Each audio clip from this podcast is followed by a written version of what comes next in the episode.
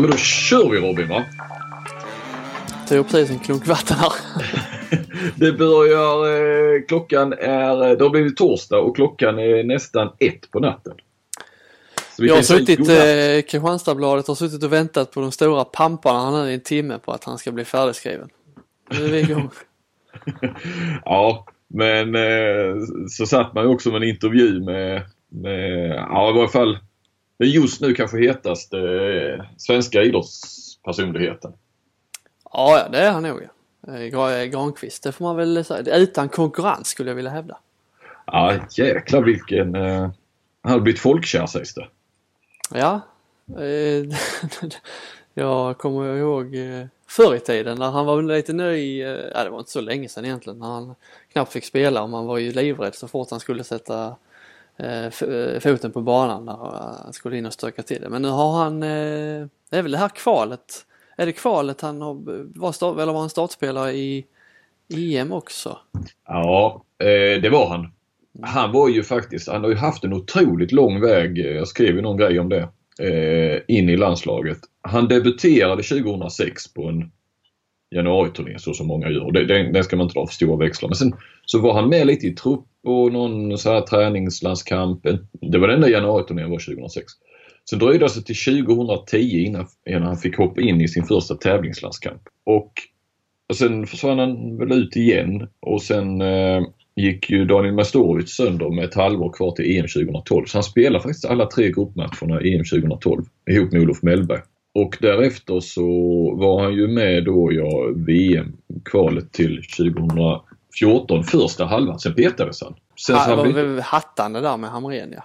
Ja, det var ju det mycket. Han hade ju så lite problem med, med, med skador på mittbackar. Men det faktum var ju att Granqvist, han satt ju på bänken, men han var ju inte skadad utan han var ju petad under hela andra halvan av- VM-kvalet. De åkte ut i playoff mot Portugal och så. Ehm, och sen då efter det VMet, missade VMet, så har han ju varit ordinarie sedan dess. Men då när Jan Andersson, Zlatan slutade, Jan Andersson tog över efter Erik Hamrén så blev han ju lagkapten. Så att det är väl egentligen nu här under det här kvalet, precis som du säger, som, som han har eh, klivit fram och sen då i, på San Siro där så... Ja, men man, jag vet inte, nu har jag ju skrivit väldigt mycket om att ni har träffat honom i Ryssland och så vidare så det är klart och varit i Påarp och, och träffat hans gamla eh, ungdomstränare och sånt där. Va? Så, så att jag är väl lite färgad men, men det, man gillar ju liksom när en sån som Granqvist ändå eh, Ja men så länge alltid ställt upp och fortsatt och eh, kommit till varenda samling och åkt därifrån besviken, ställt upp nästa gång och får det här sena, sena genombrottet. Man unnar ju, är det någon man unnar det så är det ju de här eh, äldre spelarna som har varit med, precis som du säger, varit med och malt på och bara åkt till samling efter samling, bänkad, bänkad, bänkad, spelat lite, bänkad och, och sen få det här eh, riktiga lyftet eller erkännandet så Mm. sent och dessutom då, eh, det är inte bara erkännandet utan eh, få spela ett VM också. Ja, Just när det är ja, sista chansen då som man har. sista, ja. Som, det var ju sista chansen för jättemånga. Eh, faktum är ju att, att vi i den här truppen nu efter EM, den här nu som spelade det här kvalet. Det är ju första gången, det har inte varit en enda som har varit med om ett VM. Och jag tror om jag räknar, eller räknar men det är ju bara att tänka tillbaka. Så det är det första gången sen innan VM 90 där, slutet av 80-talet som vi inte hade någon spelare i landslaget som inte hade spelat VM. Mm. Ehm, så att, eh, ja, det var ju sista chansen för Lustig och Sebastian Larsson och eh, förmodligen Toivonen och Marcus Berg också och det här gänget. Och, ja, men sättet som de har blivit eh, Ja, det, det är häftigt att fått följa och, och fasen, de har ju varit uträknade många av de här spelarna helt ju. Och Janne Andersson med som eh, ändå mitt i all den här VM-kvalpressen och hypen som har varit så har han ändå ägnat en tanke åt drott. Ja.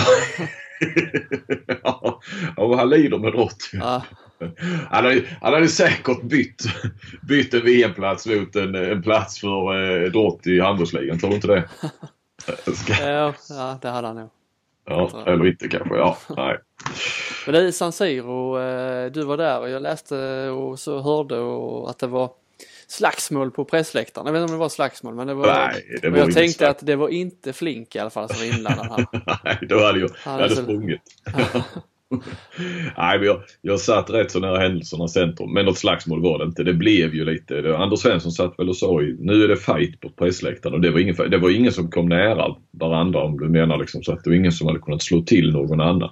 Utan det var en trappa emellan och det var ett staket. Det var ingen som försökte komma över det där staketet heller. Men Det var, de var rätt så hetsiga de italienska fansen redan från början. Och sen så Eh, och det irriterade väl Svensson lite och, och Olof Lund satt, eh, satt näst närmast då. Sen satt jag ytterligare ett par meter in då. Men han, eh, när eh, Sverige fick sin, eller Italien, när Sverige tyckte att man skulle haft straff eh, så att säga för andra gången då när Forsberg drog den bollen som nog, den var rätt så tydlig den hans. Då. Mm. Det ville ju Lund då förklara han ju för dem som stod och skrek där då mot honom då att det, det var straff och då blev de ju ännu mer hetsiga. Sen det, det låter pedagogiskt och lugnt när du säger att han förklarade för dem. jag såg inte riktigt hur jag pratade med honom efteråt så men eh, jag, jag såg inte exakt hur han gjorde men det var, eh, han fick en del gester. Så, så ja, obscena äh, gester frågar jag. Ja. ja, det kan man väl lugnt säga. Är han lite uppviglare Lund? Jag får den bilden ibland. Ja, det är han. Mm. Han var ju vansinnig på parken med för några år sedan. De kastade öl på honom. Han hamnar ofta i sådana ja. situationer.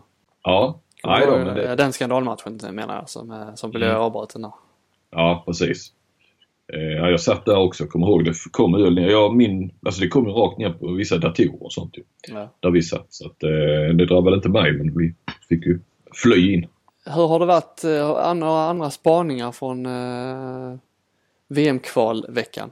Ja, men det, det, jag, det jag har tänkt på faktiskt när nu så sent som under dagen där, och det var ju på tal om att fly då, eh, i olika nästan mer eller mindre inofficiella sammanhang och officiella sammanhang.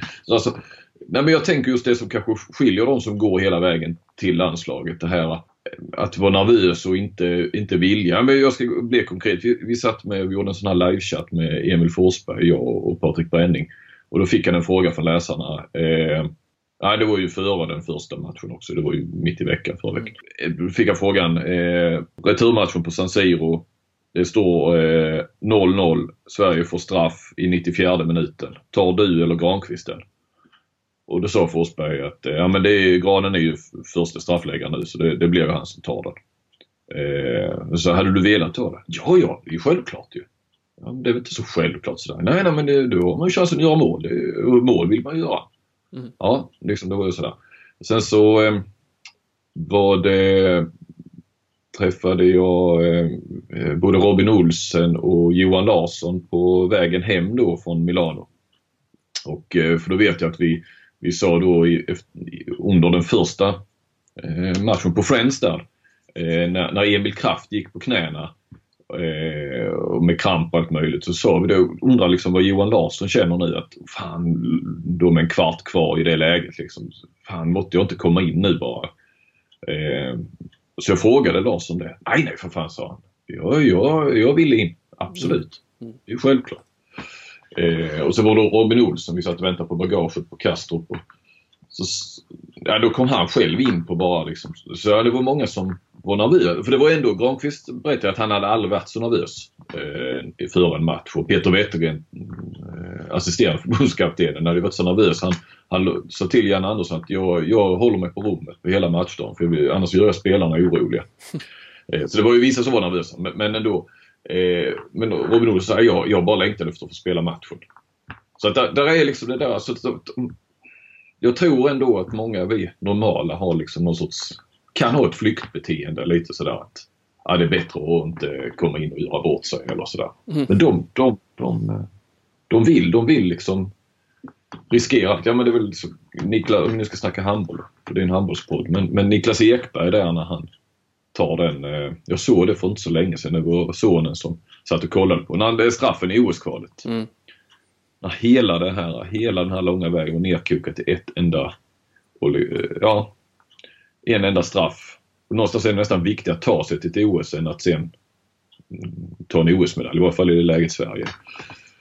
Och han sätter den. Jag, jag vet inte, jag har inte pratat så mycket med Ekberg men jag, jag vet inte. Han gillar väl den situationen. Så att de kan behålla lugnet. Och, ja, Ja, det är beundransvärt. Det är det som det skiljer, det, det som skiljer även de som har talanger så är det ju inte alltid talanger eh, går långt om man Nej. inte har skallen med sig. Så att det är ju, skallen är ju eh, kanske viktigare än talang för, för att lyckas i sådana, Ja. sam, sådana sammanhang. Så tror jag. För går det, ta den där sista steget hela vägen så att säga. Så, eh, tror jag nog det. Mm. Men om, vi- om vi sen, jag bara tänkte vi ska göra något koppling till handboll också. Granqvist, eh, har vi någon motsvarighet i, i handbollslandslaget eller har haft dem de senaste åren här med, med någon som har fått liksom sådär? Fått, eh, fått varit med länge, varit lite petad, eh, suttit på bänken, gjort det här eh, dryga, dryga jobbet. Ändå, ändå alltid ställt upp och så ja. Eh, Mm. Ja, alltså Mattias Andersson, eh, målvakten där är ju den första som, eh, som kommer upp. Han Ja. var ju med hela, jag kommer ju ihåg de här, han satt alltid på eh, läktarna bak målet har jag någon bild eh, av att han alltid har suttit när, eh, med Gensel och Svensson och, Alita Olsson med den eran där. Så Ja. Han har alltid gjort lite intervjuer med Ekvall där under matcherna. Han har alltid varit det, det, ty eller det tydligaste, enklaste intervjuoffret där under matcherna. För han fick aldrig Ja. spela. Men han var Nej. ändå alltid med. Mm. Och då hade han ju, men då hade han ju några riktiga världsmålvakter framför sig också ju, som var rätt mycket äldre. Men sen ska man inte glömma, han var ju helt ratad sen under Linnell tror jag. Alltså det var ju en lång period. Både Bengans, sista år och, och sen hela Linnell och, i stort sett om jag inte missminner mig. Mm. Så, eh, så var han ju inte ens, kändes inte ens aktuell. Alltså han var inte ens tredje målvakt till mästerskapet. Och ändå liksom där i hans, han var inte purunge eh, därefter liksom heller även om han fortfarande är igång. Känns som han är hur gammal som helst. Men eh, ändå det hade varit lätt kan jag tänka mig när man har gjort de här tunga åren då varit eh, given tredje målvakt bakom stornamnen och sen, sen blir man dessutom petad. Och ändå så och komma tillbaka efter det och aldrig liksom eh, jag vet inte om han har tvekat eh, att vara med i landslaget men att han kommer tillbaka och ja, lyckas ändå och blir första målvakt och eh, att han liksom får, får stå i centrum och, och bli, ja, får lyckas liksom. Det, Mm. det är ju sådana man, man unnar. Mm, mm. Ja, absolut. Vi har väl vi har väl en där eh, under Bengan Boys, en sån som Thomas Sivertsson. Mm, ja. Var ju lite samma sådär. Jag ska inte säga att han blev folk. Han hade ju fortfarande... ja, Jag tänker på VM-finalen 99 när Wislander fick rött kort tidigt i, i andra halvlek. va. Han klev in. Ja. Eh, Det var ju också här försvarsspel. Det var lite åt Granqvist-hållet. eh, Så, va. Sen så därefter så var det inte så att han, han blev given utan han hade ju hela tiden eh, Wislander framför sig. De höll väl på lika länge. ja men lite sån ändå att han fanns alltid där, alltid. eh, Han eh, köpte sin roll, han var andra valet och in, Mm. inga konstigheter. En eh, eh, trygg pjäs liksom. Mm. Som inte, Johan, ja som inte gnäller. Johan Jakobsson i EM 2016 var ju också ett rätt så sent. Det kändes som att han fick ett genombrott liksom, hos den breda allmänheten. Ja precis, lite samma med honom ja, att han eh, har aldrig, aldrig varit första valet riktigt utan eh, Nej, och när han väl blev det så, så eh, ja, lyckades han också och klev ju fram som en riktig eh, världsstjärna. absolut. Men sen, eh, ja, det var ju när han så att säga slapp stå i skuggan av Kim Andersson. Eller stå i skuggan, tror inte han har något problem med. Men alltså få, få riktigt mycket speltid. Eh, har man någon annan eh, eller potentiella namn som eh, liksom som har varit med länge nu eller som, som eh, man kanske om några år framåt titta på. Ja, det, eh, blicka tillbaka till den tiden där vi är nu och ja, han var aldrig liksom det var aldrig han man pratade om eller aldrig han som fick rubrikerna. Men, eh, men som kanske får det, ja säg tre, eh, tre, fyra, fem år fram. Om vi, vem, vem står lite i skuggan nu och ändå liksom kan bli en svensk hjälte eh, framöver? Ja, men jag, jag vet inte. Man, Max Darj tänker jag lite grann på. Eh, Men herregud, han har ju gjort ett mästerskap bara. Eh, Ja men en sån som Palicka tyckte jag var, Mm. han har ju med varit med. För först lite bakom eh, Johan Sjöstrand ju. Mm. Och nu är han väl eh, på ett sätt, de står väl kanske nästan lika mycket i Rhein Eckerlöf men i landslaget så känns han ändå som han är tvåa bakom eh, Appelgren.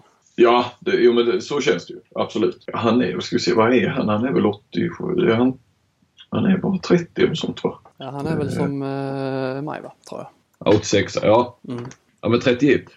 Eh, ja han är 31 år. Det, det känns ju Han har ju varit med länge. Han har ju en jäkla massa ligaguld med Kiel och så vidare. Men han är bara 31 så jag menar han kan ju hålla en eh, 3-4 år till så att eh, han får jättegärna liksom Ja, tre, fyra genom- år till. Beutler är ju 40 så eh, de har lite Ja, ja. samma, samma galna stil så, så att eh, han kanske blir eh, svensk OS-hjälte 2024. 2024. Ja, ja, ja, jo då är han ju där ja, häradet som Beutler är nu. Men ja, han får gärna eh, liksom göra... Han var ju bra, det ska vi inte glömma i VM senast. Eh, Men han får gärna göra det nu här i EM som kommer. Vi behöver inte vänta tre, fyra år på honom utan det räcker att han gör det nu så har han ändå varit med i många år utan att få sitt genombrott.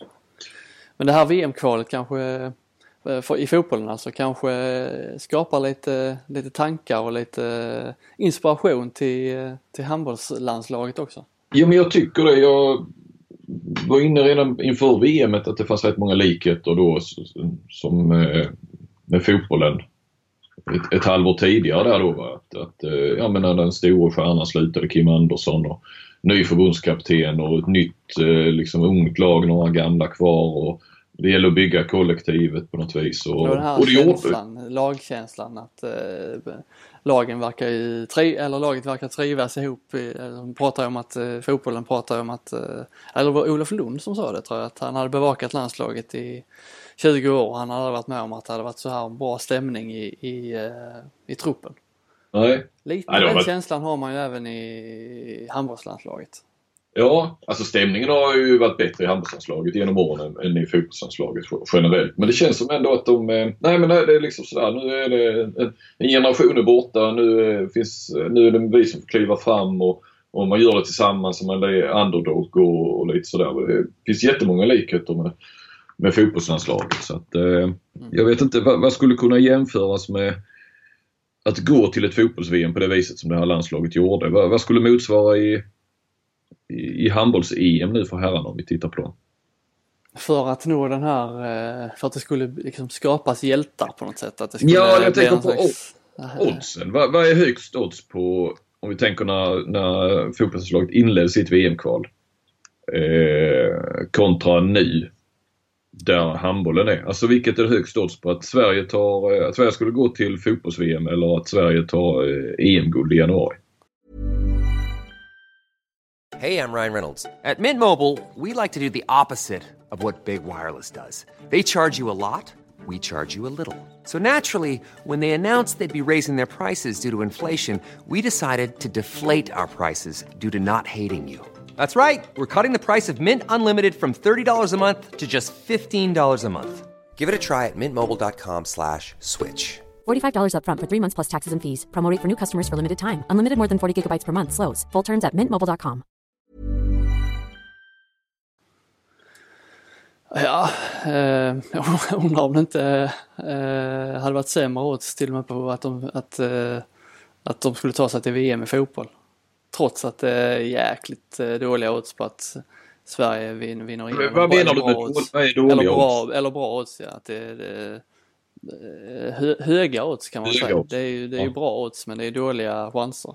Kan man väl säga. Mm. Men jag tror att eh, chanserna var, eh, om jag hade varit oddssättare så hade jag nog eh, satt, ska jag säga här så jag säger rätt, då hade jag nog satt lägre odds på att Sverige vinner EM-guld i handboll än att Sverige skulle ta sig till fotbolls-VM. Mm.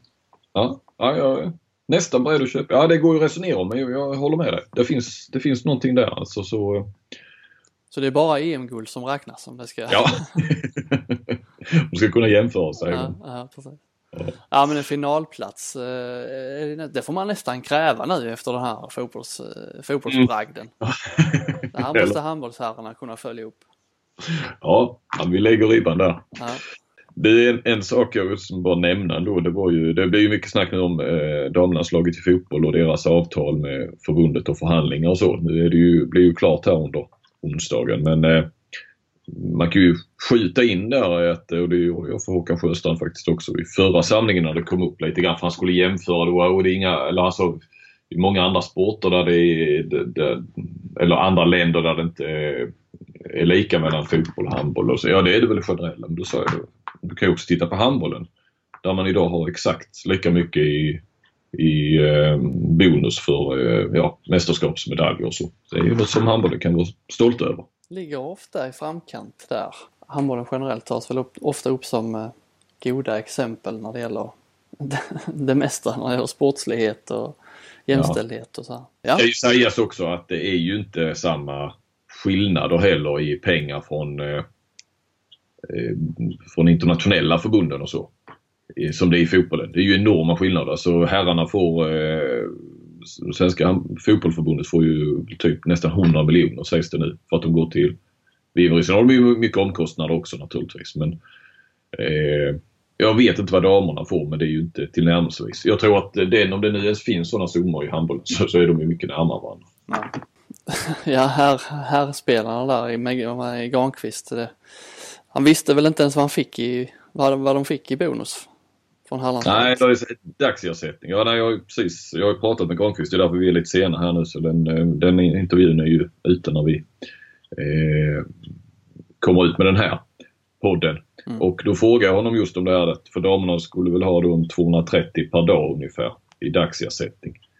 Eh, och då eh, sa han att han visste inte ens om de hade någon sån, sån dagsersättning. Eh, men det är klart, har du en 20-25 miljoner netto om året i din klubb så, så märks det väl inte om du får 230 kronor om dagen i ja, någon vecka då och då under året. Pengarna trillar in på det ryska kontot utan att det... att Gör det. Ja. Sannoliken. Men jag tror också att det visar väl också, jag tror inte att det har varit stöttestenen i damernas förhandlingar, om vi nu ska fortsätta snacka fotboll, de här 230 kronorna. Jag tror det handlar om andra saker som, som har dragit ut på förhandlingarna. Men jag kan ju också säga att i den här intervjun så, så säger jag ju, för- nu går deras avtal ut, herrarnas, alltså det som damerna nu har förhandlat fram, så herrarnas gick ut nu efter playoff här, häromdagen. Så sa jag, då ska det du som ska förhandla med Håkan Sjöstrand, då generalsekreteraren, sa jag till Granqvist. Ja, men det där brukar vi ta på en 5-10 minuter så är det klart. Mm. Det, det, det, damerna håller på ett år. Ja. Det säger Ja. väl lite också kanske. Men det var, har, verkar ha varit en jäkligt känslig fråga för eh, landslagsledningen där med Lasse Rist i spetsen. Det är Eh. konstigt att det ska behöva vara så jävla känsligt fortfarande liksom. Ja. Ja, nej, och de, de, de är inte bra på att hantera sådana saker i, vet, i det kommunicerandet. Ja, det känns som de är väl liksom på helspänn hela tiden och eh, alla är ute efter dem. Att de ser spö, Mm. spöke överallt så fort det ställs en fråga liksom. Ja, precis. Ha, du, nu har vi snackat mycket fotboll. Ska vi, du som har varit på handboll. Jag har varit på handboll ja, i Hör. Ja. 65 Hör mot eh, Kristianstad handboll. Ettan mot tvåan i tabellen. Mm, märktes det då på, blev det en jämn och tight final? Eller eh, ja, seriefinal? Ja, det märktes ju på, eh, på läktaren i alla fall. Det var ju fullsatt i, i sporthallen där. Men eh, matchen var ju rätt så körd redan efter, ja, efter fem minuter. Stod det 6-1 till H65 och sen eh, blev det bara större och större siffror. Så att eh, själva matchen var det ju ganska så stor eh, skillnad på, på ettan och tvåan kan man väl säga. Men eh, det märktes ju också, vi har varit inne på det tidigare med Kristianstad där och deras eh, trupp. Nu hade de eh, Asli Iskit skadad. Hon leder ju, eller ledde i alla fall skytteligan. Eh, spelade, var väl bara inne på en straff som hon missade för övrigt. Eh, Ja.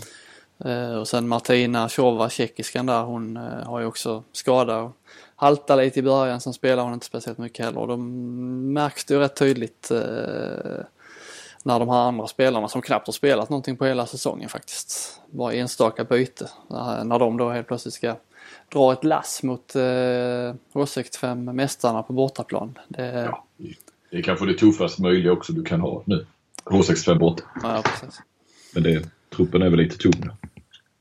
Däremot eh, hade de ju, de har ju värvat en ny ryska, Julia Golubeva. Gobel, Mm. Golubeva.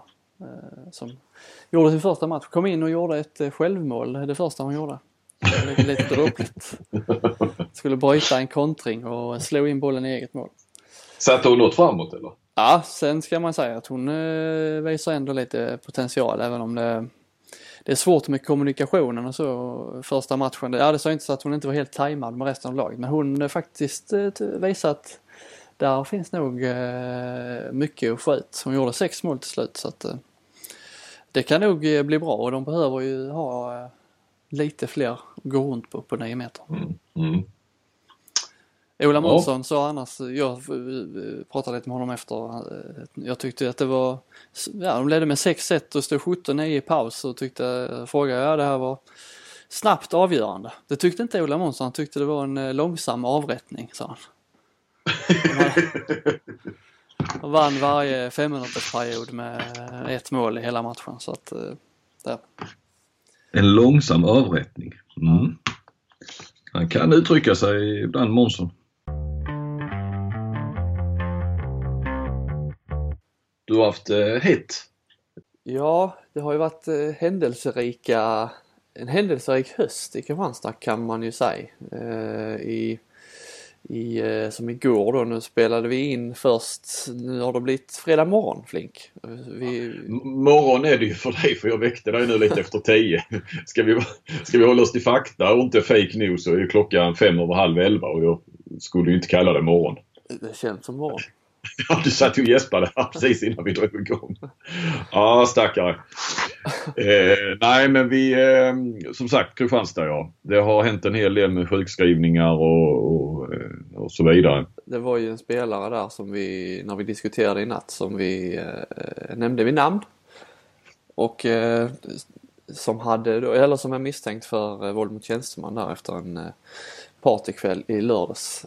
Men det funkar inte när vi har två olika tidningar och som tar två olika beslut. Nej precis. Det kändes ju naturligt att prata eh, och nämna vid namn eh, i natt när vi spelade in eftersom ni då hade några timmar tidigare publicerat och pratat med klubben och ja, kört eh, hela paketet så att säga. Medan då vi på Aftonbladet som rätt så ofta anklagas för både ena och det andra. Men vi är ju du har ju varit inne på det tidigare i samband med den här uh, Skövde-skandalen då, i, om det var i våras eller höstas. Vi är rätt så restriktiva när det gäller namnpubliceringar uh, innan folk är dömda. Så att uh, vi, vi, vi nu, får du, nu, får, nu får du hundarna på dig här med, med I metoo har det varit mycket snack om att ni inte har varit så restriktiva. Men det är ju inte ditt... Det är Nej, inte ditt precis, att vi inte har, ja, problemet har väl, eller problemet, ja, problemet har väl varit att vi har varit eh, restriktiva med vissa och mindre restriktiva med andra. Ja, precis. Eh, det, och det är, en, det är, en, annan diskussion och den tänker jag inte. Det är en svår diskussion som vi inte har betalt för och eh, ta, ta beslut i. Sånt här. Nej, det är rätt så långt, precis. Vi har inte hade man bara fått betalt eh, som våra chefer så hade man väl kunnat gå in och ta några beslut. Men vi är rätt så långt ifrån de besluten. Ja. Så att, det är väl också, eh, antar jag, det, ja, som sagt som, som Lena Melin, vår, eh, ja hon är inte ansvarig utgivare och hon är väl inte chefredaktör. Eller väl, jag vet att Sofia Olsson Olsén är chefredaktör. Jag blir bara lite så osäker på Lena Melin. Ibland är hon chef, ställföreträdande chefredaktör. Så. Mm. Hon är väl politisk chefredaktör kanske. Ja, hur som helst. Hon har ju, det är hon som har skrivit om det där.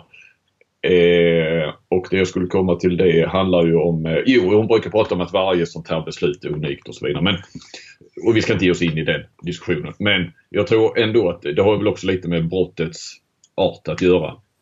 Eh, nu väljer vi ändå att inte, men jag förstår att ni gör det. Hade detta varit eh, kanske ett allvarligare brott, eh, säg eh, eh ja, sex med minderåriga nu för att ta ett exempel som vi haft i fotbollsallsvenskan. Mm. Där det också har varit helt olika. Där vi inte ens har nämnt eh, vilken klubb det handlar om medan eh, eh, Sydsvenskan har gått ut med namn. Och sen är vi då lite mer restriktiva ska jag säga väl. Ligger nog också i att vi eh, det blir en annan spridning. Även om man kan diskutera det här med spridning. Det räcker ju att det är en eh, liten eller som i Kristianstadsbladets fall stor lokaltidning skriver det så sprids det ju på sociala medier och så vidare. Så att, eh, men, men det är väl fortfarande lite så att men de gjorde ju... når det ändå fler direkt. Ja, de gjorde ju, Resumé var det väl som gjorde en undersökning här i samband med, med metoo-kampanjen. Eh, gjorde en undersökning med, med, folk då, hur många som hade fått reda på, jag tror det var Martin Timell i det fallet, på vilket sätt människor hade fått reda på det. Ja. För man har ju trott, eller det har diskuterats att ja, ja, det är ändå ute i sociala medier så alla vet redan om det. Men då uh, var det ju en överväldigande majoritet, majoritet som ändå hade fått reda på det först när eh, de stora då kanalerna Aftonbladet Expressen hade skrivit om det. Så att eh, Ja. det, blir, det är ju ändå en jäkla skillnad när, när eh, kvällstidningarna går ut med namn. Ja, ja men en bra spaning i sammanhanget. Men Ja. hur som helst så kan vi väl konstatera att eh, det, det, det blåser kring IFK Kristianstad. Ja, det kan man ju säga att det gör. Och eh, ja, de, jag hade inte velat vara eh, ordförande, klubbchef, sportchef. Det är ju en eh, svår situation. Ola Lindgren var ju eh, rakare där än, än de andra som vanligt. Ja, ja. eh, nej, men han menar att det var ju tydligen ett återkommande problem som eh, ja, som har hänt tidigare. Eh, Men den här spelaren ja.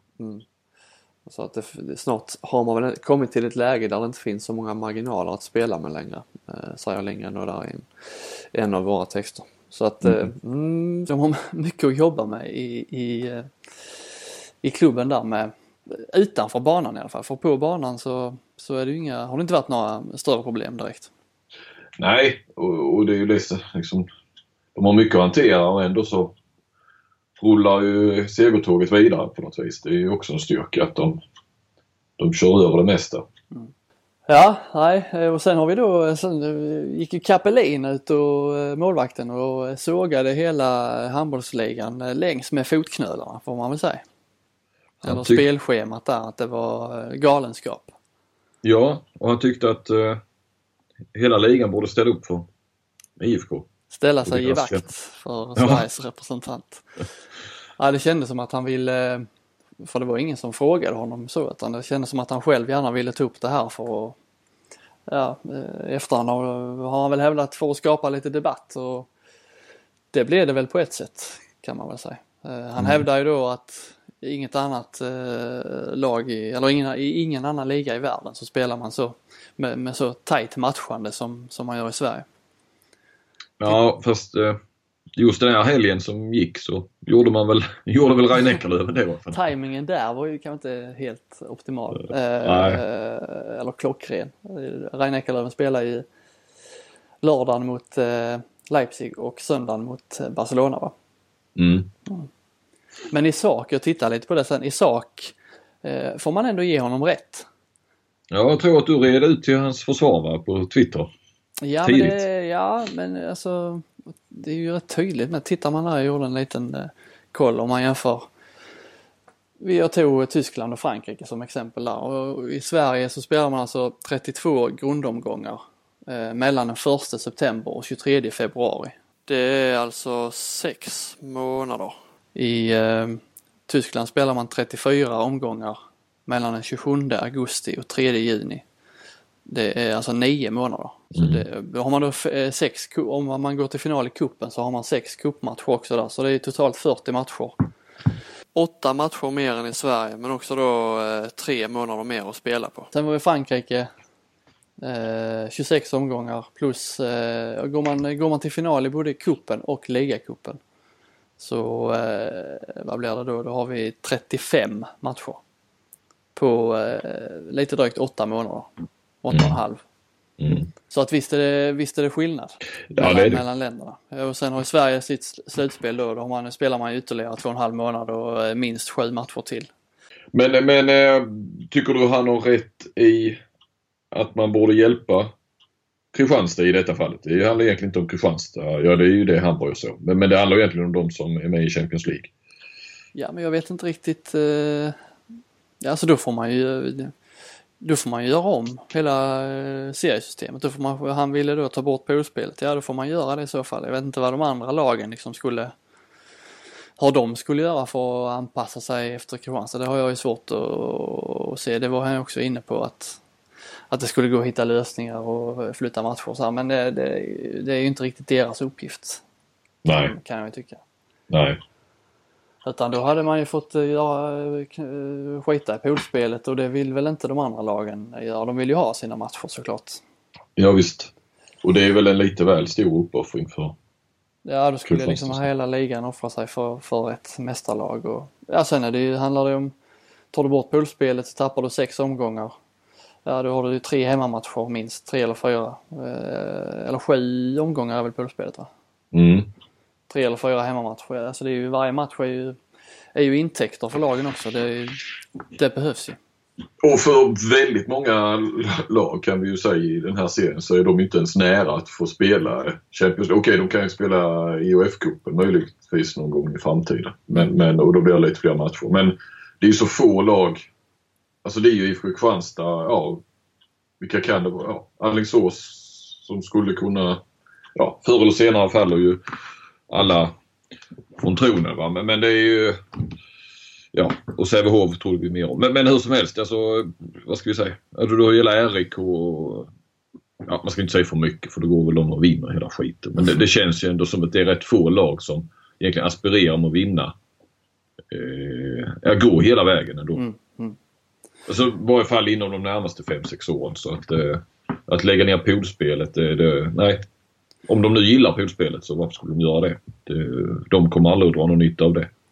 Det man skulle kunna göra är ju nu, tidigare la ju Kristianstad några av sina matcher så att de började spela där redan den första september annars började de andra lagen inte förrän två veckor senare. Så att, eh, men det man skulle kunna göra eh, lite enkelt, eh, nu är det ju extremt det här året eftersom SM-finalen spelas så, så tidigt men, men säsongen hade ju kunnat förlängas lite eller läggas ut på lite fler lite fler veckor eller någon månad liksom. Eh, Ja, alltså eh, grundserien ja, Ja egentligen. precis, att, Mm. att säsongen då börjar ordinarie då i början av september istället för i mitten av september. Att SM-finalen en- inte ska spelas före den eh, 20 maj till exempel.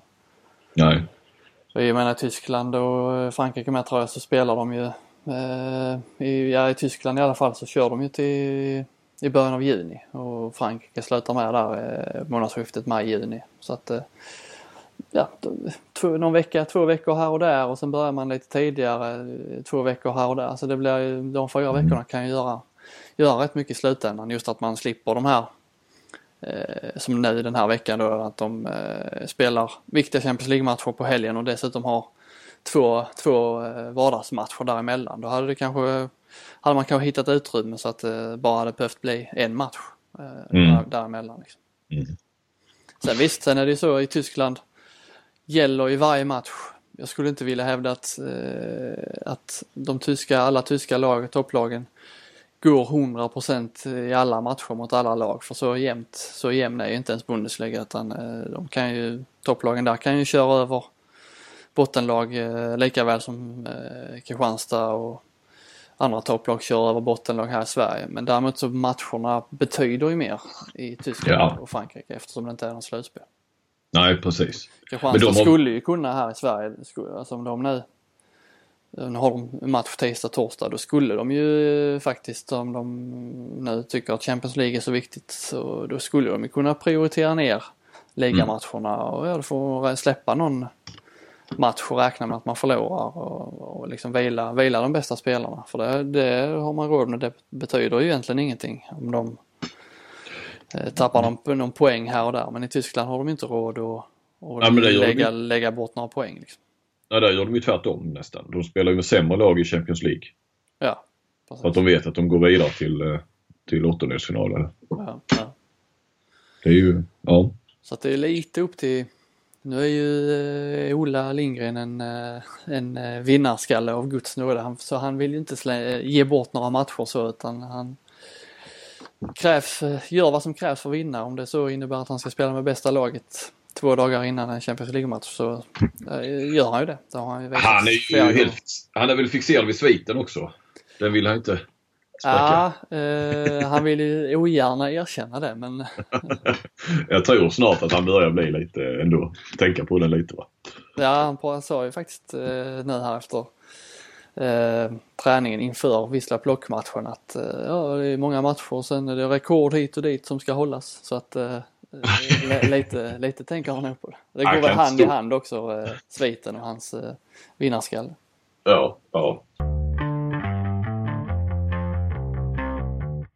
Jo, Robin. Vi får ju erkänna nu att det här har vi försökt förbereda lite grann faktiskt. Nästa, vad ska vi säga, programpunkt. Nästa segment. Nästa segment som det heter i poddvärlden. Exakt. Och eh, det är den perfekte eh, handbollsspelaren, eller ligaspelaren, ja, i svenska handbollsligan. Vi tänkte jag skulle, vi skulle sätta ihop, man skulle plocka, ska man säga kroppsdelar som då, ja, kan ju verkligen motsvara att man skulle vilja ha just den kroppsdelen men ska ju också motsvara någon sorts ja, viktig egenskap i handboll. Så att tillsammans så, så blir det ju den, eh, den perfekta handbollsspelaren. Lite som eh, jag jämför det med Frankensteins monster. Du vill liksom sätta ihop olika delar, kroppsdelar eh, och, och skapa det perfekta monstret då, eller den perfekta, i det här fallet, eh, handbollsspelaren. Mm. Precis. Och, och, jag tror att om vi drar igång så tror jag eh, lyssnarna kommer att förstå vad det är vi, vad vi är ute efter. Har vi alla kroppsdelar först och främst? Det har vi inte kanske riktigt, men vi har i alla fall de viktigaste kroppsdelarna som, eh, som ja. en bra handbollsspelare måste ha. Ja, vi får eh, resonera oss fram lite här också. Ja. Ska vi börja, ska vi börja längst ner? Mm. Med fötterna. Sitter ju längst ner fötterna och då tänker vi ju inte på eh, storlek eller eh, hur de ska se ut, tårna, att de är fina och så utan det är ju snabba fötter, det är det vi är ute efter. Ja, det är det det motsvarar. Fötterna motsvarar eh, kvicka fötter. Ja. Och vi, förutsättningarna är att det måste vara en eh, ny, eh, ny spelande handbollsspelare i handbollsligan. Ja, mm. det är villkoren. Får jag då föreslå eh, den ena Ekman-broren i Guif. Och då ja. tänker jag inte på Daniel Ekman, även om han har snabba fötter så tycker jag ändå att hans lillebror Marcus Ekman har ännu snabbare fötter. Mm. Eh, underhållande att se också. Mm.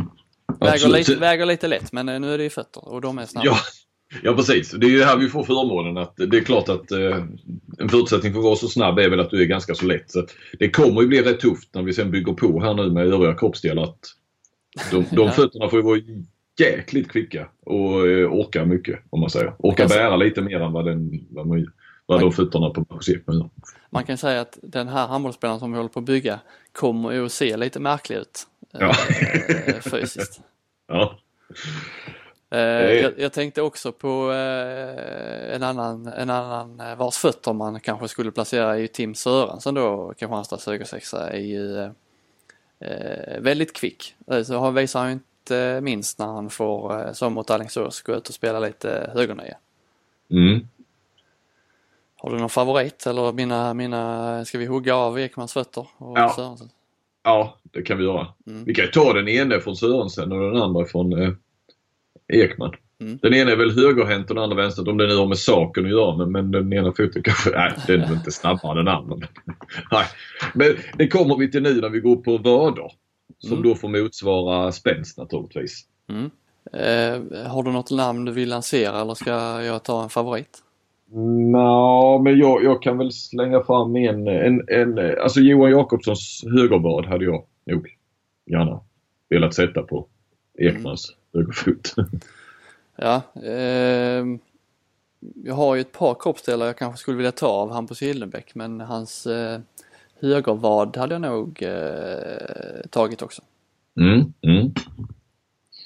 Bra eh, jävla upphopp. De kör mycket japaner på honom också. Det, man måste ju ha Lugi alltså. Eh, man måste ju ha en spelare med jävligt bra spänst om man ska kunna göra japaner. Ja. Andreas absolut. Flodman var inte heller dum. Eh, mycket japaner på honom också mot Kristianstad. Mm. Då tänkte du direkt när du såg honom att då har vi en högervad. Helt ärligt, det var exakt vad jag gjorde. Ja. jag skrev, jag skrev, ner, skrev ner honom direkt. Ja. Vad kommer efter vader då? Knä, vi vill kanske inte ha Jakobssons knä va? Nej. Det lätt så. Nej. Nej, vi vill inte ha något knä heller, överhuvudtaget. De är mest Nej. bara ut, uh, risk för skador. Ja, precis. Eh, nej men vi kan väl gå upp till, eh, till lår då va? Mm. Och här, det tycker jag är svårt. Ja. Lår, vad, ska man ha? Vad, varför ska man ha bra lår? Är det för att man ska, ja såklart benstyrka, orka stega eh, och hålla emot liksom med, när, man får, när man får smällar och så här. Det är det som är Ja, men representerar inte någon sorts, eh, du vet så här, Agina Gald, någon så här, så här eh, Jag tänker ju på Vranjes, eh, jävla, hans lår var ju, mm. lårstyrka måste ha varit något i hästväg. Ja. Eh, men har vi någon sån? Min joker är ju, eh, han spelar i och för sig inte i handbollsligan, men eh, Robert Jangmo. Om man kommer ihåg honom. För, eh, han spel, före detta elitseriespelare. Eller handbollsligaspelare. Klar för eh, avkastlaget BK Bitter. Han, eh, för de som kommer ihåg honom så hade han eh, några djävulska stockar alltså. Ja. Ja, jag har mött då- honom också. Det, eh, jag tror jag hade, jag hade nog fått in tre av mina lår på hans lår. Har du mött honom? Tror han är 86 som mig. Okej. Beachhandbollen bland annat. Ja, ja, ja. Men, men han eh, kan väl... Eh, vi, vi får frångå kriterierna lite där för vi, vi hittade... Vi hittade inga lår. Nej. de, de finns säkert. Ja. Om vi går vidare från knäna och uppåt så hamnar vi i den, den kroppsdelen eller delen av kroppen som vi eh, gärna vill ha nästa är ju hjärtat. Mm. Och vad ingår då i eh, kriterierna för ett bra hjärta? Jo det är ju krigarhjärta, va? inställning. Mm. Kan ju också vara ju lite så här klubbhjärta kan man ju också men det, det, då hamnar man ju... Ja, men då är det ju Mattias Thulin och... Eh, vad har vi mer? Ja, vi har ju, finns säkert någon i varje lag egentligen. Alltså någon som har... Johan. Johan Jeppsson typ, ja, Max Starr när han spelade, lite sådana. Ja. Fridén i Sävehof som har varit sina, sina klubbar trogna länge. Ja. Men om man tänker nutid så eh, skulle jag vilja lansera Alexander Borgstedt i eh, Mm. Ystad. Inte ett Mm. klubbhjärta i den bemärkelsen, mer för att han, eh, ja det är ju ett krigarhjärta Mm. mer. Han är ju, eh, han är ju rivig liksom. På något vis. Eller det, så. Ja, boll Det kanske är mer spelstil med det. Men, men det, det, det, det tar ju sitt utlopp på det viset. Mm. Oskar Hansson i OV tycker jag också eh, har eh, den egenskapen. Det är lite svårt att sätta ord på vad det är han har eller den här, just den här vad det är som gör att hans hjärta, men jag tycker han utstrålar hjärta när han spelar. Mm. Mm. Alltså finns det ju de som har varit längre i OV. Mm. Såklart. Eh, Så sett va. Vad heter han? Nileskog va? Ja.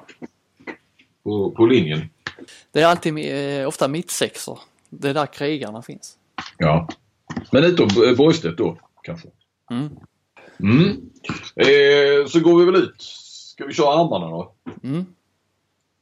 Eh, ska vi börja längst ut? Handleder. Det är en härlig, en av de härligaste kroppsdelarna. Ja. De blöta handlederna som Ja. man brukar. Ja. Eh, Någon, någon du vill lansera innan jag säger eh, de jag vill lansera? Ja, den är kanske inte så blöt i det, men man får blöt handled då tänker man ju genast på kantspelaren. Men- Men vi har ju Felix Klas eh, högra handled. Mm. Eh, Den är inte dum. Det är mycket känsla i den. Kan hitta på mycket med den. Ja, just det här egenskapen att man inte behöver ha eh, så mycket tid i skottögonblicket för att eh, få iväg ett bra och lurigt skott utan att det, Ja. ja, det går snabbt. Man kan till och med vara lite upphakad och ändå få iväg ett, ett bra avslut. Liksom. Mm. Och också svårt för målvakter. Jag tänker att bra handleder är svårare för målvakter att läsa för de kan vända skotten lite eh, i sista stund. Liksom. Mm. Och han, där är ju rappt, väldigt rappt på klar. Mm. Ja, verkligen. På tal om målvakter nu, de hamnar ju utanför detta kan vi ju säga. De har inga bra egenskaper, eller inga, Nej. inga bra kroppsdelar. Framförallt inte. Dan Beutler, hans kroppsdelar. eh, Nej, men eh, ja, jag tror ni förstår. Vi, vi snackar utspelare nu. Så att, eh, Mm. Jag, eh, om vi, jag var inne på eh, Lugis Hampus Gildenbäck tidigare men eh, eh, hans ha- handled eh, är inte dum heller. Nej. Och är lite, sen har jag lite med Olof Gudmundsson i Kristianstad, lite samma samma eh, skottstil som eh, Felix Klar där, att han eh, använder nästan mer handled än axel när han skjuter. Mm. Mm. Eh, ofta, ofta, eh, ofta vänder sina skott också i, i sista stund. Och, eh, sådana här gummi under, eh, underarmsskott liksom som, ja, där han använder mycket handled. Mm.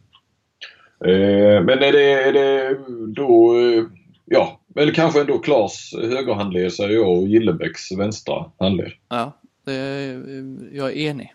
Ja. Med Gudmundsson som en bubblare på, på höger om, vi- om vi fortsätter då, ja, ska vi kalla det axel eller arm eller vad? Nu snackar vi ju skott då helt enkelt. Skottstyrka. Ja. Då är det ju, ja, vi har varit inne på, på honom tidigare men Johan Jakobsson känns ju ganska så given här va? Vänsterarm ja. Mm. Högerarm tycker jag är svårare för det är så många som skjuter hårt liksom. Det, det är ingen unik egenskap att ha en bra axel när man är handbollsspelare direkt. Nej, så är det ju. Men eh, om jag får ta någon där så säger jag kanske Blickhammar i Malmö. Jag hade också eh, honom där ja. ja Emil Hansson i Ystad tänkte jag på. Ja, han skjuter, han skjuter hårt ja. Så, ja. Ja men lite, där, na- det ser inte ut som att, använder, att han använder så mycket handled när han skjuter i alla fall. Nej, nej. Nej, det har ni rätt i. Men som sagt det finns ju eh, många, många axlar man skulle ta. Men eh, vi nämnde några där som vi, eh, som vi gärna hade hållit högt. Absolut. Om vi sen går till eh, eh, ögonen då. Så får det motsvara, ska man säga, spelblick. Mm. Vad har vi då där? Ja, ja, där har vi väl ändå Kim Andersson va? Ja, det var den enda jag hade. För det, var, det är de enda ögonen vi behöver. Ja. ja, det, jag menar, hade han varit frisk i sin axel och så, så, så hade han ju kunnat varit både vänster handled och vänster arm och Ja. allt möjligt. höll säga. Men, eh, ja, men Kims blick. Mm. Den köper vi rakt av. Om vi sen går in då och kanske ändå ska ta på något vis och skilja blick från hjärna. Mm. Eller så. Handbollshjärna. Eh, Jag hade ju, eh, om man hade fått ta av skalpen på Albin Lagergren och plockat ut hans hjärna, handbollshjärna, så hade jag nog gärna gjort det. mm. eh, jag, jag är med dig där. Eh, Kim Andersson är ju förstås där också. Eh, och kanske också ändå Jonas Larholm. Mm. Hade Jesper Konradsson varit kvar så hade jag varit inne, varit inne och rotat i hans skalle också. Ja. ja. Men eh, ja, vi, vi bryr oss inte om att sammanfatta så den, den perfekta. Vi har ju en, en, en, en liten del av ansiktet till. Vi har ju munnen. Ja.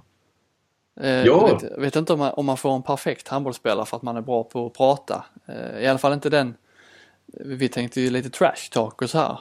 Mm. Men lite så eh, munhuggande är väl, eh, kan väl vara bra i alla fall. Ja då, det tror jag. Få motspelarna och balans lite så. om man själv kan liksom hantera det då sådär. Att det inte kostar utvisningar och så vidare. Att man inte själv påverkas av det utan man snarare blir bättre av det. Det är svårt för oss som bara sitter på läktaren och veta vem som är bäst på att prata. Men vi, Jakob Wickman Modig brukar ju hamna högt upp på, på eh, trash talk-listorna.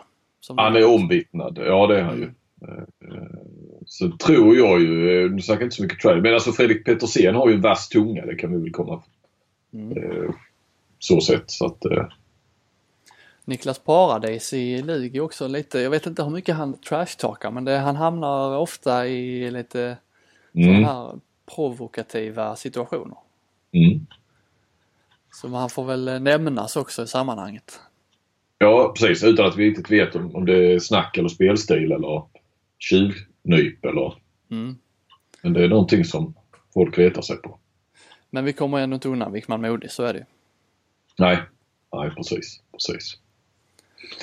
Sen är det, ja, eh, hår och sånt där, det, frisyrer behöver vi inte, det, det är inte så viktigt på vår handbollsspelare. Nej det är det väl inte va? Annars hade Tobias Johansson eh, legat högt upp i ranken Okej. med rasta, rastaflätor. Ja. Men det hade väl blivit ett bra Frankenstein-monster. ja, men det tror jag. Den eh, spelar som inte går för hackor om du ska dra till med en klyscha så. Eh, nej, han hade, många lag hade velat ha honom. Ja. Med de eh, snabba fötterna och de tunga låren. Och, eh, ja, det känns som en tung spelare generellt men eh, förutom, men ändå jävligt kvick i fötterna. Ja, och teknisk och smart och fin blick och känsliga, känsliga handleder. Och... Nej, en komplett! Mm. Där hade vi haft vår framtida landslagshjälte. Exakt. Veckan i övrigt, eh, det är lite eh, viktiga matcher på gång. Ja men det är det ju. Nu när denna kommer ut då så har ju Rick och Karlskrona spelats men det känns ju som ett litet ångestmöte va. Mm. Viktigt sådant. Den här är poäng som kan som kan avgöra om man åker direkt eller om man får kvala eller ja, kanske till och med undvika kval. Sävehof och Ystad är ju med i en sån match. Sävehof vet man inte riktigt var de står match till match men det är ett slags brytpunktsläge där med Sävehof om de ska lyfta upp mot toppen eller om de eh, stannar kvar där de är. Ja, mot ett Ystad då som eh, gått eller ja, ligger väl kanske någon, en eller två placeringar högre än vad många trodde.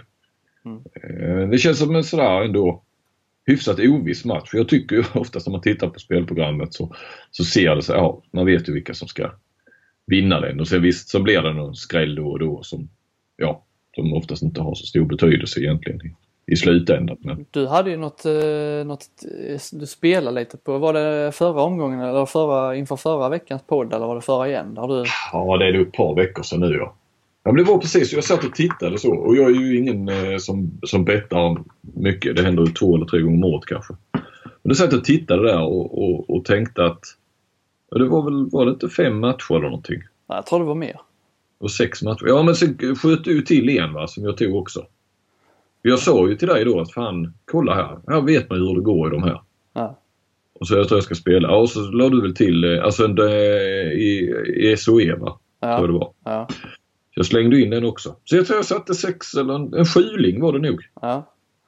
Och Det, det, var, det är ju inget kanonodds på det och jag satte väl en hundralapp så det blir ju inga stora pengar. Men, men Du eh, skrev, ju, du skrev ju när du sa att du skulle spela, jag ska sätta en 200 på detta. Men sen fegade du ändå över och satte bara 100.